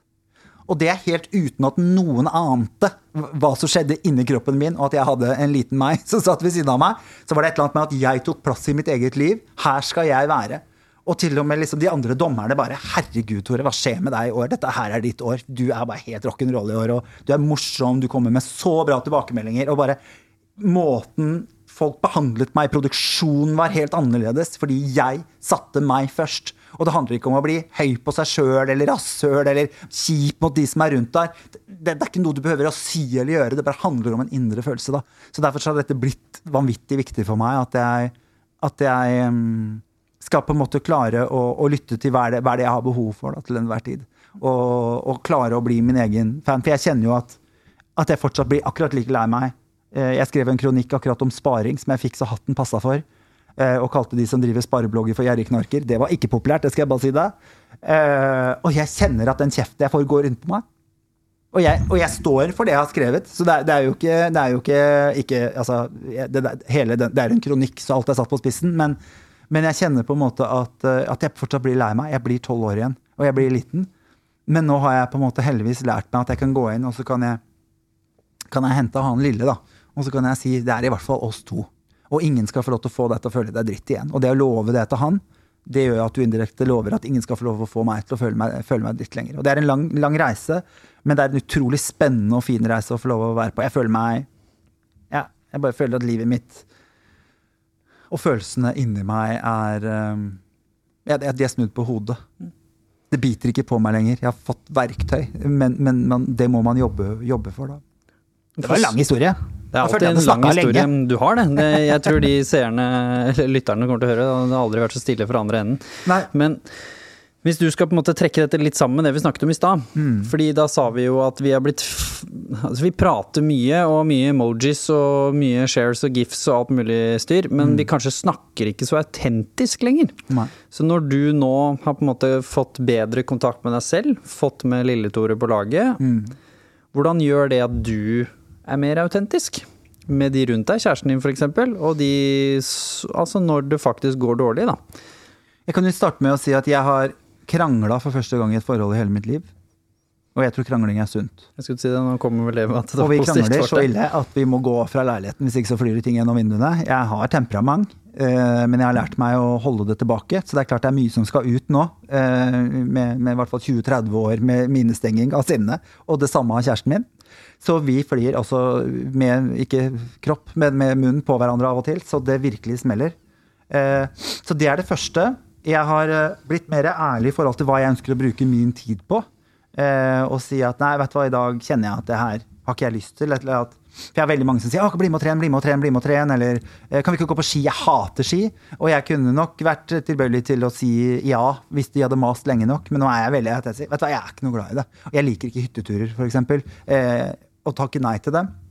Istedenfor å sitte og late som om eh, Jo, jeg har jo egentlig sikkert blitt litt mer voksen nå, for det er det du får inntrykk av, at hvis ikke du liker hyttetur, så er du ikke voksen nok, og det kommer til å komme. Så det å være ærlig med meg. Og så har jeg skjøvet noen venner fra meg. Eh, jeg har venner som jeg enten selv har tatt avstand fra, eller som har tatt avstand fra meg, fordi de liker ikke den forandringen, og det er helt ok. For det er klart at jeg forandrer spillereglene. Eh, de ble venn med en fillerøye som ble med på alt de sa, og som aldri sa dem imot. Og i det øyeblikket jeg begynner å si dette syns ikke jeg er greit lenger, så skjønner jeg at her har spillereglene forandret seg. Og jeg må være helt sånn bevisst på, det tror jeg alle som starter med en sånn reise som jeg er på, må huske på, at det er jeg som er på en reise. Det er ikke mora mi, det er ikke kameraten min, det er ikke kjæresten min. Det er jeg som er på en reise. Og jeg eh, må jo prøve å forklare de så godt jeg kan, at jeg gjør dette for meg, ikke mot deg. Og hvis ikke de takler den forandringen du er inne i, og den reisen du er på, så syns jeg at det er greit å ta en pause, og at man um, kanskje kan møtes igjen når man har, begge to har kommet på en annen plattform. da. Men det er vel det det har gjort liksom, hovedsakelig med meg. Hvordan tar du selvansvar for det, da? Fordi da kan du lett bli den som Nå skal jeg liksom sammenligne med noe som er litt sånn fysisk. Alle har jo hatt en venn som har vært flink og tatt tak i noe. Kanskje kropp, da, som på en måte er kanskje det letteste. Da. Noen som ikke fordi de velger det, men fordi de kanskje har eh, bare lagt på seg ti kilo fordi de ikke har gjort alle de tingene de ønsket, og følt at de vil kvitte meg med igjen. Og så kvitter de seg med de. Og så da f.eks. sier de nei til å bli med på den kebaben som de sa ja til i fjor. Og så sier de nei til å kjøpe smågodt når vi er med på kino. Og så Det forteller jo Jeg, har jo, jeg drikker jo ikke, så jeg har jo hele tiden blitt møtt med det. At andre har innimellom hatt et problem med å invitere meg til slutt, fordi de får dårlig samvittighet når jeg kan bli med ut og fortsatt gå og danse, men ikke drikke. Så du får litt den samme. Så hvordan klarer du å ta selvansvar for å ikke bli opplevd som en drittsekk, som du sier, eller opplevd som en som har plutselig mener at du nå er bedre. Ikke sant? Nei, men jeg bare spiser sunn mat. Så herregud, spiser du en kebab? Gud. Jeg tror det første jeg har gjort, er å ikke starte en Instagram-profil som heter Finn deg sjøl. Det tror jeg er kanskje det aller viktigste jeg har gjort. Ja, At ikke jeg skal gå foran og lære alle andre hva de skal gjøre med livet sitt. Eh, Jeg anbefaler den utdannelsen å gå på. Det ønsker jeg å gjøre gjennom å vise at jeg har det bedre enn jeg hadde det før. Ikke ved å fortelle deg at du burde gjøre det. Eh, Nå gjorde jeg det med deg i går, men, eh, men eh, jeg prøver jeg å være god på det. Ja, og jeg, og jeg har venner som jeg Og i begynnelsen var jeg veldig masete. Og jeg begynte at dette må du prøve, dette må du prøve. Og jeg maste på det at jeg kunne prøve å øve og gi terapier på dem, for vi har jo begynt å øve på det og sånn, og jeg trenger å øve på folk. Ehm, men, men så merker jeg jo at de skyver seg bare lenger og lenger unna meg, for de bare Dette er din reise, Tore. Så det jeg har gjort, er å slutte å snakke om det. Ehm, og jeg har tenkt at eh, jeg, skal ikke, jeg skal ikke pålegge andre mennesker min følelse. På skolen så lærer jeg at det fins tre måter å håndtere en dårlig følelse på. Det er å øse de over de som er rundt deg. Det er å holde de inni deg. Eller det er å behandle de på en hensiktsmessig måte så de ikke går utover andre mennesker. Og jeg tror det er liksom hovedgreia her. At, du ikke skal, eh, at ikke alle dine livsforandringer skal, ut, skal gå utover absolutt alle andre. Um, Og det er vanskelig når du har blitt mobba mye i barndommen. Fordi det det du bærer klart. på mye bitterhet. Ja, ja, spesielt når du møter lignende situasjoner. det å være bitter er som å selv spise gift og forvente at den andre skal dø. Mhm. Så det er, og det er liksom viktig å huske på. At det å gå rundt og være bitter på andre mennesker, det er som å sitte og pine seg sjøl hele tiden. For det mennesket driter i det.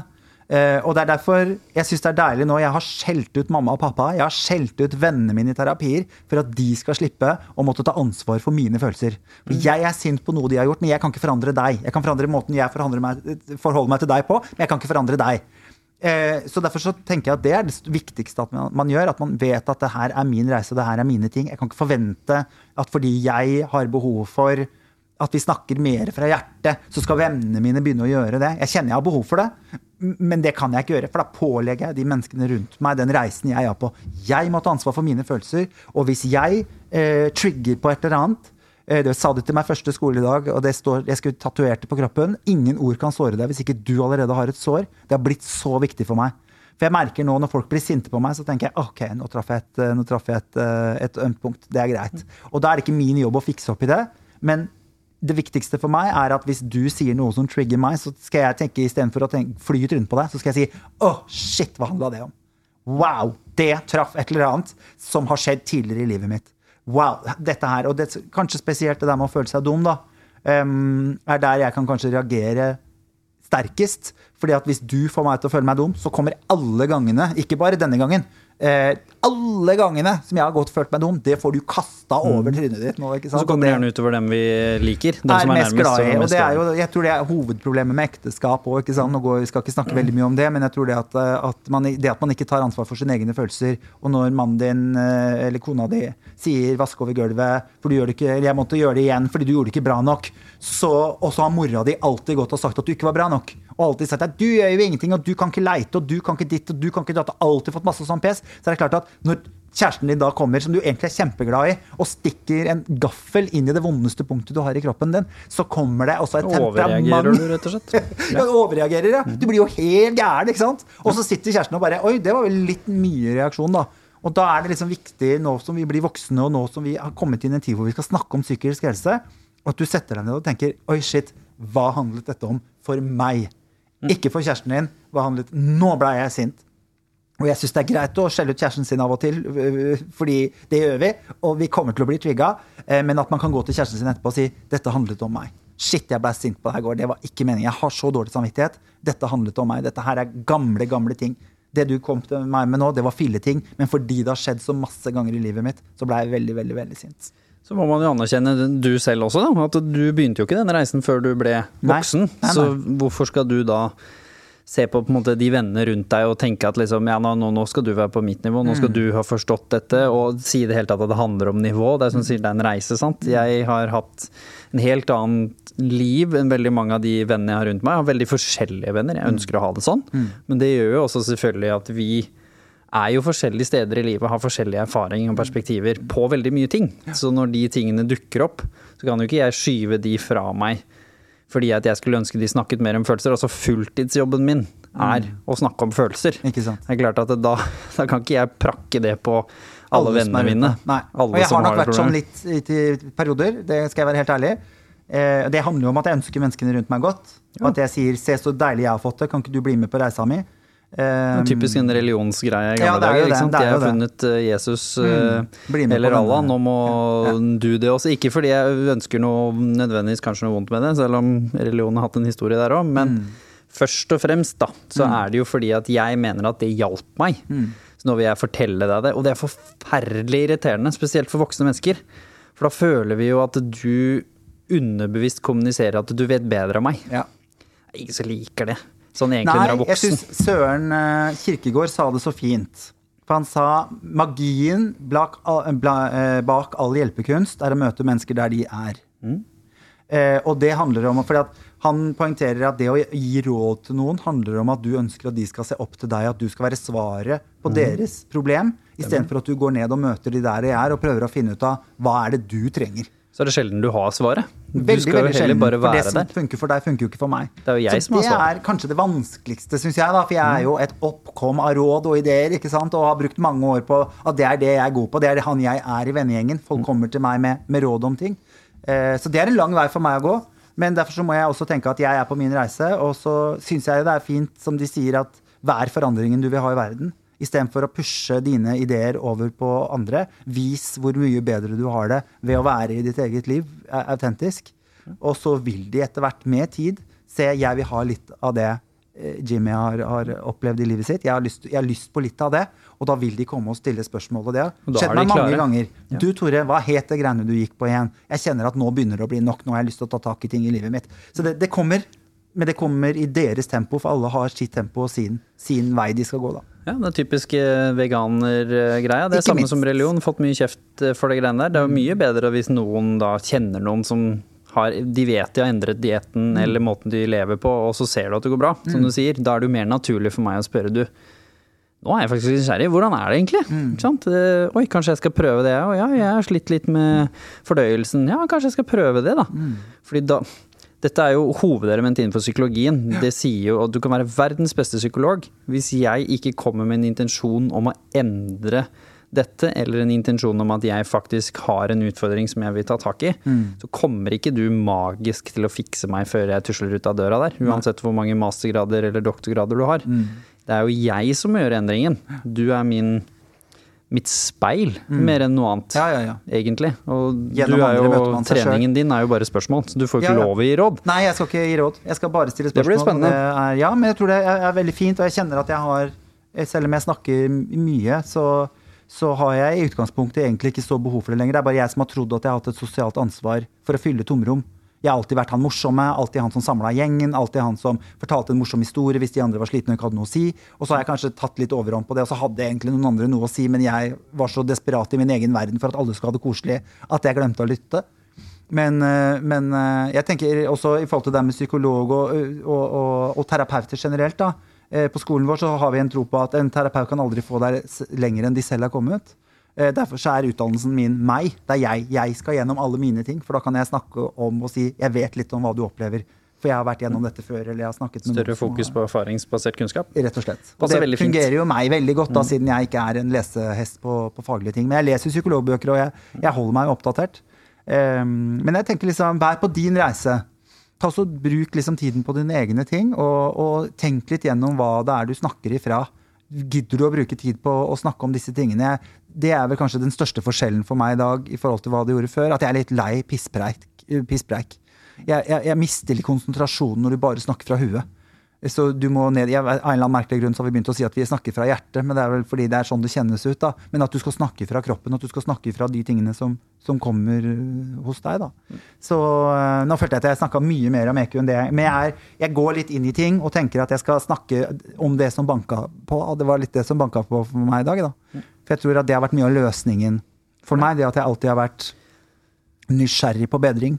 Ja. Eh, og har som sagt vært alltid fra meditasjonssenteret til eh, yoga til eh, veganer til Jeg har prøvd alt mulig for å prøve å reparere de indre tingene. Og har til slutt kommet til at jeg må jo bearbeide det. Jeg må jo inn i følelsen, gå igjennom dem og komme ut på den andre sida som et reinere og bedre menneske. Og det er kjempefint. Så ja, kanskje det inspirerer noen, og kanskje noen får helt uh, kaffen i vrangstupen. Men eh, for meg har det vært helt gull. Hvis du nå var forelder, da. Det er Mm. mye foreldre som hører på her. eh, Og jeg vet at både du og jeg skulle gjerne en- endra skolesystemet, og vi jobber for det også, på hver vår måte. Men det må vi jo bare ta inn over oss at det kommer til å ta litt tid. Ja. Så hvis du da var forelder, da, til deg sjøl, på ungdomsskolen for eksempel. Hva hadde du råda foreldre der ute til å gjøre? Fordi hvis vi ikke får endra skolen på fem sekunder, hva er da den viktige rollen fra foreldre eller venner og bekjente, eller lærere som hører på, da, som har spillerom som menneske? Nei, jeg tror at mye av hovedgrunnen til at jeg ikke, ikke avslutta livet mitt, men fortsatt sitter her i dag, er at mamma sa til meg da jeg var barn at uh, du må aldri forandre deg for at noen andre skal like deg. Og det sa hun fra for jeg var veldig veldig, veldig liten. Og så lenge, lenge før mobbingen omtrent startet også, så sa mamma ikke forandre deg, ikke bli en annen person bare fordi du skal innynde deg hos noen andre. Um, og det blei det har liksom blitt veldig viktig, og det er jo, jeg syns det er veldig viktig at det du sier ofte, det er det man husker. Og det har liksom satt seg, klistra seg til, til hjernen min. Um, jeg vil oppfordre til å si at det brenner ikke på kjøkkenet noe sted. Eh, orker de ikke matematikken nå? Det er det som gjør at de sitter og griner hver eneste kveld. Bare drit i det. Det er ikke så forbanna viktig. Jeg skjønner at lærere som er ansatt til å være norsklærere, er nødt til å legge hovedfokuset på norsk. Eh, men jeg syns at det viktigste er at vi i første omgang sørger for at barna våre orker å bli 20 år. Vi må jobbe for at de orker å, å, å hoppe over og bli 20. Det forandrer seg mye i 20-årsalderen. Plutselig får man helt andre mennesker rundt seg. Man er ferdig med den der satte skolegreia hvor du må finne deg en venn i den klassen på 30 uh, som er mest lik deg sjøl. Du kan begynne å få venner hvem som helst der ute hvis du bare har åpne nok armer. Og at ikke Um, alle jobber krever matematikk. og at ikke alle jobber krever matematikk. Og det er ikke sånn at, eh, at eh, du ikke kan ta det seinere. Vi er såpass heldige i dette landet. her. Vi er i en særstilt situasjon i forhold til resten av verden. hvor Vi har mulighet til å ta det seinere. Så derfor så burde vi også ha en mye bedre psykisk helse enn det vi har her i dag. Fortell barna dine at de er verdifulle. Sett deg ned og still deg sjøl spørsmålet hvis barnet mitt ønsker å ta livet av seg om ett år, hvilken samtaler vil jeg bruke det året på å ta? Det er kanskje det viktigste spørsmålet som jeg sier i mitt foredrag. Hva ville du satt deg ned med barnet ditt og sagt? For det første så ville du sagt at du elsker dem. Og du ville sagt det mye, mye oftere. Og autentisk. Du ville Autentisk. sagt ekte følelser, ikke bare en emoji I love you-kiden. Du ville satt deg ned, og så ville du sagt at det viktigste for meg er at du har det bra, så du må være ærlig med meg, og du må vite at når du kommer til meg med noe som er vanskelig, så skal du bli hørt. Så hvis det er den matteprøva som gjør at du ikke sover om natta, og at du blir helt psykisk syk av det, så skal vi fjerne de elementene, for det har vi faktisk muligheten til å gjøre i dette landet. Og så skal jeg ta din eh, helse på, på, på alvor, og ikke sammenligne deg med alle andre barn. Fordi vi som ikke var skoleflinke, har Det er som at når man mister synet, så hører man bedre. Eh, de, vi som ikke er eh, faglig sterke, sko, skolefaglig sterke, for jeg føler at jeg er faglig sterk innenfor mine ting, um, vi har andre ting. Og jeg har en evne til å nå til folk som jeg tror mennesker som kanskje flyktet inn i en bok, ikke har. eh, og som ikke var med på det sosiale spillet og heller flyktet inn i de tingene. Så Og vi trenger alle. Det er jo hele poenget her, altså. Det er jo hele hovedgreia. La barnet ditt finne ut hva de har lyst til å bli, og dyrk det. Og det kan forandre seg hele tiden, men, men la veien bli tid mens man går. Og ikke push ungene dine til å bli sykepleier fordi det er lurt. Eh, mekaniker fordi det var faren din. Lege fordi det var mora di. Ta også, La barnet finne ut av hvem de er, sånn at de har en grunn til å orke å stå opp om morgenen. Det er superviktig at du skal få lov å bli akkurat hva du vil. Og hvis det er å bli eh, Jeg hadde en eh, i klassen min som var fantastisk til å tegne, og jeg skjønte aldri hvorfor han ikke fikk lov å tegne i timene. Han tegna så bra, og han sa 'jeg trenger ikke dette her, jeg skal bli tegner'. Um, og det som skjedde i den familien, var mye, mye rart, da, viste det seg etter hvert. Så det var hans måte å flykte, inn, eh, flykte ut i verden. Og det er også en måte for å prøve å høyne seg selv, så man ikke skal føle seg dum når man ikke får til det det ser ut som alle andre får til. Da. Så det å dyrke hvert enkelt menneske på det, og si at eh, at eh, Jeg hadde en lege en gang som sa til meg For jeg skulle, måtte på en sånn jobbkurs. Så sier hun ja, du skal jo ikke ha jobber du som man skal søke på. Du er jo kunstner. Eh, så det er ikke noe vits at du går dit. Og det var liksom deilig for meg å, å få bare den støtten fra henne. At, hun, at det var et menneske som så meg. Og det er det det handler om. Se ungene dine. Og jeg må få lov å si, jeg, mamma og pappa så meg, men de så Bjørn Tore, har jo egentlig dobbeltnavn, som høres ut som en sauebonde fra Sylling.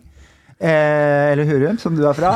Eh, Stemmer det? jeg føler at jeg fikk bekreftelse, men jeg fikk bekreftelse på hva mamma og pappa skulle ønske at jeg var, eller at mamma og pappa trodde at jeg var. Istedenfor å la meg få lov å finne ut av hvem jeg var innenfor, innenfor disse, disse reglene. Da kommer det om Eh, å skape det rommet og den relasjonen vi snakket om i stad. Du må jo prate med barna dine. du Du må må også gi dem muligheten for å kunne prate med deg. Da hjelper det ikke å spørre hvordan gikk det på skolen i dag, på vei opp trappa. Og hvis barnet ditt forteller at de blir mobbet, fortell at du ble mobbet hvis du ble det. Fortell at du var en mobber hvis du ble det. Vær ærlig og snakk med barna dine om de livserfaringene du er. Det å kunne sette seg ned med fordi barn trenger ikke perfekte foreldre, de trenger foreldre som ser deg, og som er der. Og jeg tror den ærligheten For jeg trodde jo at mamma og pappa var, var helt perfekte, helt til jeg ble sånn Selvfølgelig, det gjør 14 år gammel. Eh, Helt til jeg hørte venninna til mamma satt ute på verandaen og sa 'Husker du det når du satt i, skulle konfirmeres og du satt og tok deg en røyk?' Og jeg fikk jo helt What?! Jeg fikk jo helt sjokk! Og da forandret jeg synet litt på mamma. Fordi da plutselig så jeg en menneskelighet i mamma. Da. For jeg tror det er mange barn som lever med, med mm, scenografi rundt seg.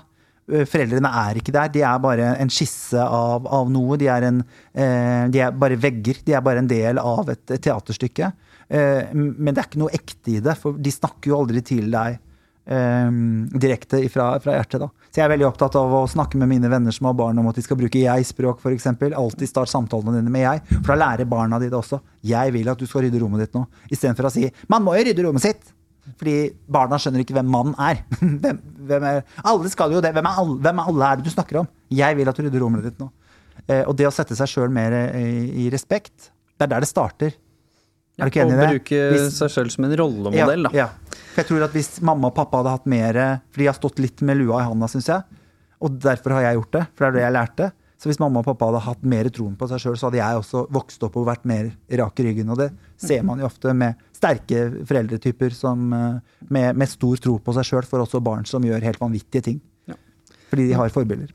Absolutt. Og så Siste um, tips fra meg også, det er, jo, det er jo mange nå som vil si at jo, men barna mine snakker jo ikke med meg, de vil jo ikke snakke med meg. De handler også veldig ofte om de samtalene som dere selv har. Hvis dere på en måte rundt middagsbordet, da, som kanskje er en av de få arenaene hvor man klarer å samle tenåringer i dag, så må jo du også snakke om noe fornuftig. Som du sa i stad, hvis bare dere sitter og snakker om bullshit og småting og headlines og Donald Trump og korona, så er det klart at da får du ikke noe personlig samtale ut av barnet heller. Men hvis du og mannen din, eller dere som samboere eller par, snakker om dypere ting hele veien, foran barna, og også inkluderer de og ikke undervurderer hva de forstår, så åpner jo selvfølgelig muligheten også for at oi, pappa sa at han ble, følte seg liksom litt mobba på jobben, og at han ikke følte seg noe bra når han kom hjem her en dag. Oi, mamma hadde blitt kjefta på her i butikken av en random fordi hun eh, sneik i køen eller ikke hadde munnbind, da, altså i disse dager. Og blei lei seg. Og blei lei seg. Så, og som du sier, sette ord på de følelsene, så vil jo jeg få et språk, som du snakket om. Jeg har jo sagt det veldig ofte, at hvis jeg faktisk visste hvordan jeg skulle håndtere mine følelser og fortelle om de den gangen jeg var 13, så at jeg aldri sittet i det treet og planlagt mitt, og ta mitt eget liv. Nei. For det var ikke det at omstendighetene totalt var så forferdelig grusomme, det var jo at de hadde jo ikke ord til å fortelle om hvordan det var. Nei. Og jeg visste Og det må ikke man hva jeg skulle si. sted, og den beste måten å gjøre det på, er å høre andre gjøre det. Ja. Hva er den forandringen du vil ha? Det er jo greia. Og jeg Snakk mer. syns jo liksom at mange foreldre sier at de ville gått liksom De ville gått til, til uh, uendelig for barna sine, men jeg syns ikke dere gjør det. Erna sa at vi skal få flere barn. Jeg syns ikke det. Jeg syns du skal få så mange barn som du klarer å romme, og da må du først starte med å romme deg sjøl. Mm. Jeg er veldig lei for det, men jeg syns altfor mange får altfor mange barn. Det er sånn jo, nei, vi skal jo ha en til. Klart vi skal ha en til. Hvorfor skal du det? Har du nok kapasitet inni deg? Har du Mm. Nok kjærlighet å romme ting i hjertet ditt? Start med deg sjøl. Og jeg sier til de at uh, hvis du skal være et godt forbilde, for de sier hvordan skal jeg få barna mine til å skjønne at de ikke skal mobbe, så sier jeg men du må jo være forandringen. Du må jo være den personen som går foran. Du må jo vise barna dine at det går an å komme gjennom vanskelige ting. Foreldre som f.eks. krangler foran, foran barna sine, men de tar praten på kvelden. Ja, Da får aldri barna lære at det går an å krangle og så bli venner igjen. Så, så blir du sånn som meg, da, som har gått nesten i 35 år og vært livredd for krangling. Jeg er så redd for å få kjeft hele tida. Eh, Fordi at jeg har aldri lært at det går an å bli venner igjen. Det går an å snakke, og så går det an å høre på hverandres argumenter. Og så, og så, ikke sant? Så det, tenker jeg liksom så jeg sier til vennene mine at du har mye traumer, eh, jenta mi, eller eh, kompisen min, liksom. Du, du har jo opplevd vanskelige ting i livet ditt. Det her kommer til å prege barna dine. Er du sikker på at du ikke skal begynne å ta tak i de følelsene, sånn at du kan vise barna dine at det er mulig å ta tak i følelsene og forandre på dem? Så ikke du gir dette videre. For det er jo en sånn latterlig Jeg hater egentlig eh, sitater, men så elsker jeg det òg, for jeg er jo en klisjé. eh, Som heter at jeg fikk en gave av mine foreldre, jeg visste ikke hva jeg skulle gjøre med den, så jeg ga den videre til mine barn. Og det er en sånn sannhet i den. Det er derfor jeg liker det. For det er en sannhet i den at slik du ble møtt, kommer du til å møte barna dine hvis du ikke tar et aktivt valg for å ikke gjøre det. Og da syns jeg ikke foreldre gidder å gå den mila for barna sine. Selv om de sier det. Jeg ville gjort hva som helst for barna mine. Du vil ikke det. For det øyeblikket det dreier seg om å ta tak i din egen fortid og din egen psyke, så sier du nei, det har jeg ikke noe behov for. Pappaer som sier nei, jeg skal ikke snakke om noen ting, jeg har ikke noe vits i det tullegreiene der. Og mødre som veit at nei, vet du hva, hvis jeg setter høl på dem, tar høl på den blemma her, så kommer det til å komme så mye at det orker jeg ikke å ta tak i. Og så går de og gir videre i arv alle traumene, alle følelsene av underlegenhet. Hvordan kan du si til datteren din at hun er eh, Nå tok jeg en datter tilfeldigvis, men at hun er verdifull, når du selv går og snakker deg sjøl ned eller har et kroppsspråk som ikke sier at du er verdifull.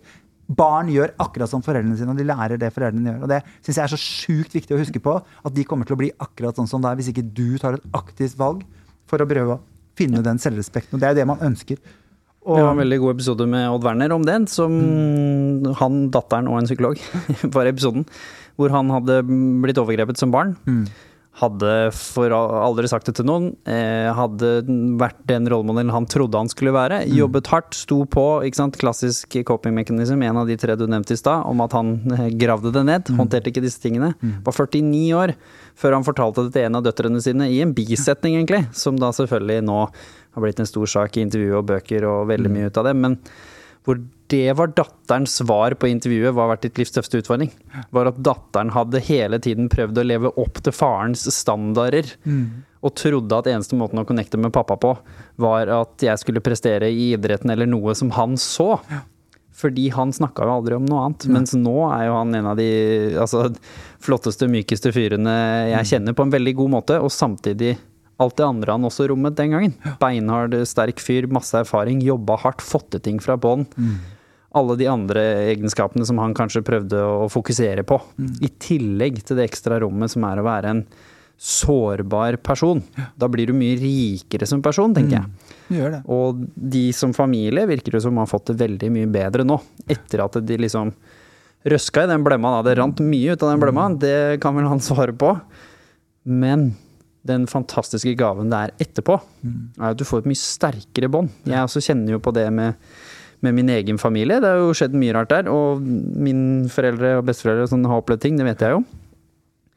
Jeg skulle virkelig ønske at vi kunne ha snakket om det fra et nysgjerrig perspektiv som ikke det handlet om å dømme. Som ikke det handlet om at jeg, jeg vil jo ikke vite det, for jeg skal dømme dere for noe dere gjorde for 20 år siden. Jeg bryr meg ikke om det nå. Men mer fordi det hadde vært så deilig å fått forstå det. Og så hadde vi rydda opp i det, og så kunne jeg lagt fra meg de spøkelsene og slippe å gi det til mine barn, da, hvis jeg noen gang får barn. Som du sier. Så det å tørre å ta tak i seg sjøl og et eget liv, som jeg også har gjort som deg, på ingen måte ferdig, er langt igjen på den reisen, Å, ja men gud, så mye deiligere det er nå. Å slippe, og hvor du gjenkjenner de, da, spøkelsene fra mobbinga. Hvor jeg bare, Og bare ja, vite hva de det er. sånn Det er det det handler om. Det handler ikke om at du kommer til å bli kvitt det, aldri trygge igjen. Det handler om å vite hva de er. Ah, nå kom den. Når jeg får den følelsen i handa, så handler det ofte om mamma. Det er sånne ting de sier. At hvis du begynner å få sitring i armene som handler om noe mamma har gjort. Eh, og jeg må jo få lov å si, jeg, har jo, jeg snakker jo sånn med mamma og pappa nå. Jeg kan sette meg ned med mamma og pappa, og jeg kan snakke om alle tingene vi har gjort. Så mye bedre. Og hver gang de kommer i en posisjon hvor de plutselig syns litt synd på seg sjøl, så sier jeg nå avslutt. Dette gidder jeg ikke. Dette vil jeg ikke. Uh, for nå går du sånn stakkarslig. Det vil jeg ikke. Fordi jeg er ikke noe bitter for det som har skjedd. Vi må se framover. Men jeg bare sier at dette skjedde. Dette var det de gjorde med meg. Dette er det jeg må bearbeide. Du må bearbeide dine følelser. Ikke driv og legg de over på meg. Men sånn, fordi det er, liksom, det er liksom et eller annet med at vi trenger ikke sympati til noe. Gjerne empati, Men men, du trenger ikke den sympatien. Det er bare tull. Og det var litt det det endte med med mamma. At mamma, Og det er mamma veldig lei seg for. Og hun sier 'gi det tilbake', sier hun. Gi det tilbake. Eh, men det er lettere sagt enn gjort. Men vi kunne ikke fortelle mamma ting fordi hun ble så lei seg. Ja. Og det var ikke mammas intensjon. Mamma mente ja, men jeg ville jo snakke med dere om alt. Bare jo, men når vi sa det, så gikk du helt i kjelleren og ble så lei deg. Og da velger barnet å ikke gjøre det, for alle barn ønsker mamma og pappa bare, bare Vel. godt. da. Så det er helt utrolig fint å ha. også vise at du kan romme det, når Romme først det, folk ja. deler. Ikke sant. Og det å få lov å snakke med pappa nå, snakke fra hjerte til hjerte med pappa, det trodde jeg aldri skulle gå. Det tror jeg det er mange som Eh, tror ikke skulle gå der ja. ute. Og jeg tenker at hvis min far kan gjøre det, så kan alle gjøre det. Mm. Eh, For det har forandra alt. Og det handler om måten jeg snakker til han på. Jeg har skjelt han ut i terapier. Herregud, han har fått så hatten passa. Men det har gjort at jeg sitter bare igjen med kjærlighet, og ikke, ikke sinne. Sinnet mitt overfor pappa. Jeg blir ikke sur når pappa gjør ting lenger. Så sier jeg Oi, no, nei, det der må du ikke si. sier jeg. Da kan, vi ikke, da kan jeg plutselig ikke snakke med deg åpent lenger. Liksom. Hvis du skal gå dit, så er det Det orker jeg, ikke. Ja, det er sant, det er sant. det er sant. Så tar han den veldig en gang. Men det er klart at jeg må gjennom en del prosesser før jeg klarer å snakke så direkte Uten å bli sinna eller bitter sjøl. ja, ikke sant? Og at jeg skal klare å si det med, med kjærlighet. da. For det er det jeg gjør. Jeg gjør det ikke for å være slem mot han og skjeller han ikke ut. Og, men jeg sier bare sånn Nei, det her har ikke jeg rom til akkurat nå. Og det å være ærlig på det. Men jeg tror Og det er jo bedre enn å kjefte på han. Hvis du sa liksom absolutt 'herregud, din absolutt, møkkafyr', Det er ingen du kan ikke bli si-» kjefta på. Nettopp. Ikke sant? Jeg går jo Så du må jobbe med deg sjøl først. tenker at vi ofte ender opp med at uh, vi tør ikke å si noe med en gang. Og når vi da kommer til det punktet hvor vi har lyst til å si noe, så har det blitt så mye at du tenker shit, nå kan jeg ikke gjøre det, for nå kommer det til å bli et helt helvete. Så nå har jeg gått hele livet mitt at jeg skjeller ikke ut folk jeg er sur på, fordi at jeg tenker at det kommer til å bli så stygt. Jeg kommer til å skjelle de ut så mye at det aldri kommer til å reise seg igjen. Istedenfor å ta liksom ting litt sånn Småting, underveis og være direkte med folk og si ta deg sjøl på alvor, rett og slett. Og bare dette her er det jeg ønsker, og det der har jeg ikke behov for. Før du blir sur. For det er ikke noe grunn til å bli forbanna. Da kan det er ikke noe grunn til å være sur på andre. det. Da kan det jo komme spennende ting ut av det. Selvfølgelig, Og du kan lære noe sjøl òg. Og så deilig det er når folk sier ifra. Nei, det vil jeg ikke. Det er det beste jeg veit. Jeg elsker direkte folk. Jeg har en lege som kaller meg dum hver gang jeg er innom henne. Det er veldig gøy. Nei, det er du dum. Hun er fra Kina. Ehm, og, og, for jeg har jo selvfølgelig googla meg sjøl hver gang jeg kommer dit. Uh, og har funnet ut hva, hva, hva som feiler meg, før jeg snakker med henne. Og så sitter hun alltid og lytter veldig til meg, så sier hun nei, da er du dum. og det er så fint. Og jeg liker så godt at du er så ærlig med meg, fordi jeg liker mennesker som bare sier hvor, hvor skapet skal stå. Eh, var et eller annet sted så hørte jeg noen som sa jeg har akkurat vært på date. Vi dro og så samme for meg. Eh, og så dro vi og spiste på Du bestemmer, og så spiste vi igjen Jeg tar det samme som deg, jeg. Og hvor vedkommende sitter igjen og bare Hvem har jeg vært på date med? Hvem er du? Hva står du for? Likte du meg? Var det en hyggelig date for deg? Var det ikke hyggelig date for deg? Istedenfor å si Jeg skal ha pizza, og jeg har lyst til å se den filmen, for jeg hater action. Og da, okay, da kan du forholde deg til det. Da kan jeg faktisk Sånn bestemme sånn om jeg vil. gå på date med deg i det hele tatt. For du får ikke muligheten til å være med på valget når du ikke vet hvem du har vært på date med. Du kommer tilbake og tenker sånn Dette var jo ingenting i, Mm. i andre enden. Så vær ærlig, ærlig. Men jeg vil bare avslutte. Jeg ser at du ser på klokka. Jeg snakker jo mye. Jeg det setter på klokka en halvtime, men Ja, det er det.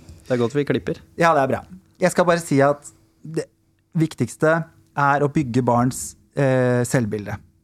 Hvordan barnet ser på seg selv, det gjør det de speilet. ved, ved, i speilet og, og i livet.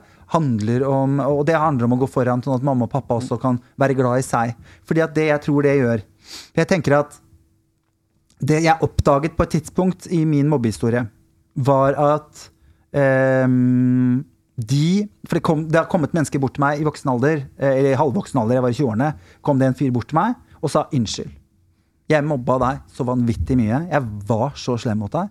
Jeg er så lei meg for det, og jeg tenker på deg hele tiden. Så det var deilig å møte deg nå, for jeg vil si det. Jeg for min del står i baren og tenker hvem i helvete er du? Jeg har aldri sett deg. Aner ikke hvem du er. Har ikke anelse om at jeg noen gang har visst hvem du var. Greia var at han gikk året under meg. Du husker som oftest bare mobbing fra de du ville bli likt av.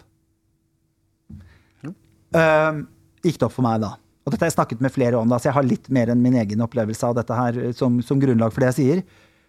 Men det satte meg i en følelse av at jeg sitter på en enorm makt.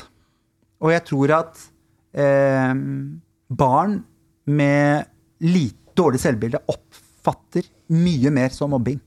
Og det sier man jo ofte at um, mobbing går i arv. Og hvis du da har en mamma og pappa som tar, er veldig hårsåre, blir fort fornærma, er på krenkefest hver dag, sitter og føler at hele verden er ute etter bare dem, det er så synd på dem, og det, de er så stakkarslige offer, så vil barna arve dette, for det er det eneste de kan. De gjør jo sånn foreldrene sine. Så det er klart at da vil man oppleve mobbing mye verre, da. Så jeg tror at eh, Og barn som er selvsikre og har et godt syn på seg selv, mobber ikke. Det er også min erfaring.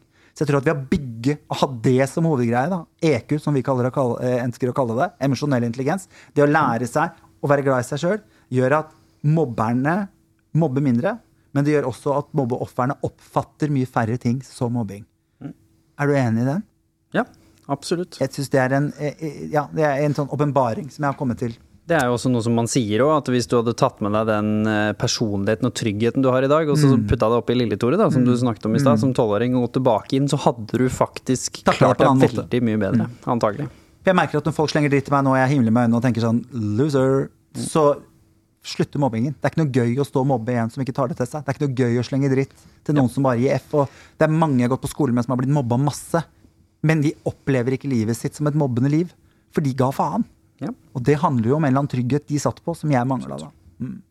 Og det gjelder jo voksne også, så det er jo ikke bare unge det her. Det gjelder jo hvis uh, du føler at du på en måte hele tiden blir haka på eller trakassert også, så, kan, så er det mulig å begynne med deg selv, selvfølgelig. Selvfølgelig kan være smart å bytte jobb og bytte skole og de tingene, hvis det er det du ønsker, men prøv nå for guds skyld å jobbe med deg selv først, og se hvordan du tar det. Ligger det noe her som Og tenk, vil jeg ha disse menneskene i livet mitt? Vil jeg ha disse sa, menneskene i livet vi må slutte å si at du skal Det var nesten morsomt når du sa det. Hvordan skal dere bli venner? Ja. Det er sånn, I all verden, jeg har da vel ingen ønske om å bli venner Nei, nei, nei. Og mamma sa det, og vi kan godt bli venner. Nei, sønnen min skal ikke ha en venn som deg, sa mamma. Og det er også sånn tatovert in my mind at mamma var sånn Jeg unner ikke sønnen min å ha en sånn rasshøl som deg, men hvis du rører ungen min en gang til, så fiker jeg til deg. Så det var, da følte jeg meg beskytta. Ja. Det hørtes ut som mamma. Ja, det gjorde det. Ja, det er fint. Ikke ikke det at vi anbefaler at det er måten å håndtere det Nei på da, heller, nei men eh, det er funny stories. Tusen hjertelig takk eh, for at du var med. Eh, Som sagt, vi, denne her kommer jo allerede nå på mandag. Vi sitter her på Mm. fredag og spiller den inn. eh, Så intervjuet ditt kommer nok om noen uker, så det er bare å henge med der, altså. Og ikke minst tusen hjertelig takk til Mesh for uh, fine lokaler her nede, og trygg avstand og alt dette her. Du sitter er med håndspriten i hånda. Ja, det gjør det. Veldig bra. Og så satser vi på at vi får høre mer fra deg fremover, og at du kan bidra litt med, med både foredrag etter hvert og litt eh, terapeut når du kommer eh, videre i prosessen. Mm, gleder jeg meg til. Det gjør vi òg.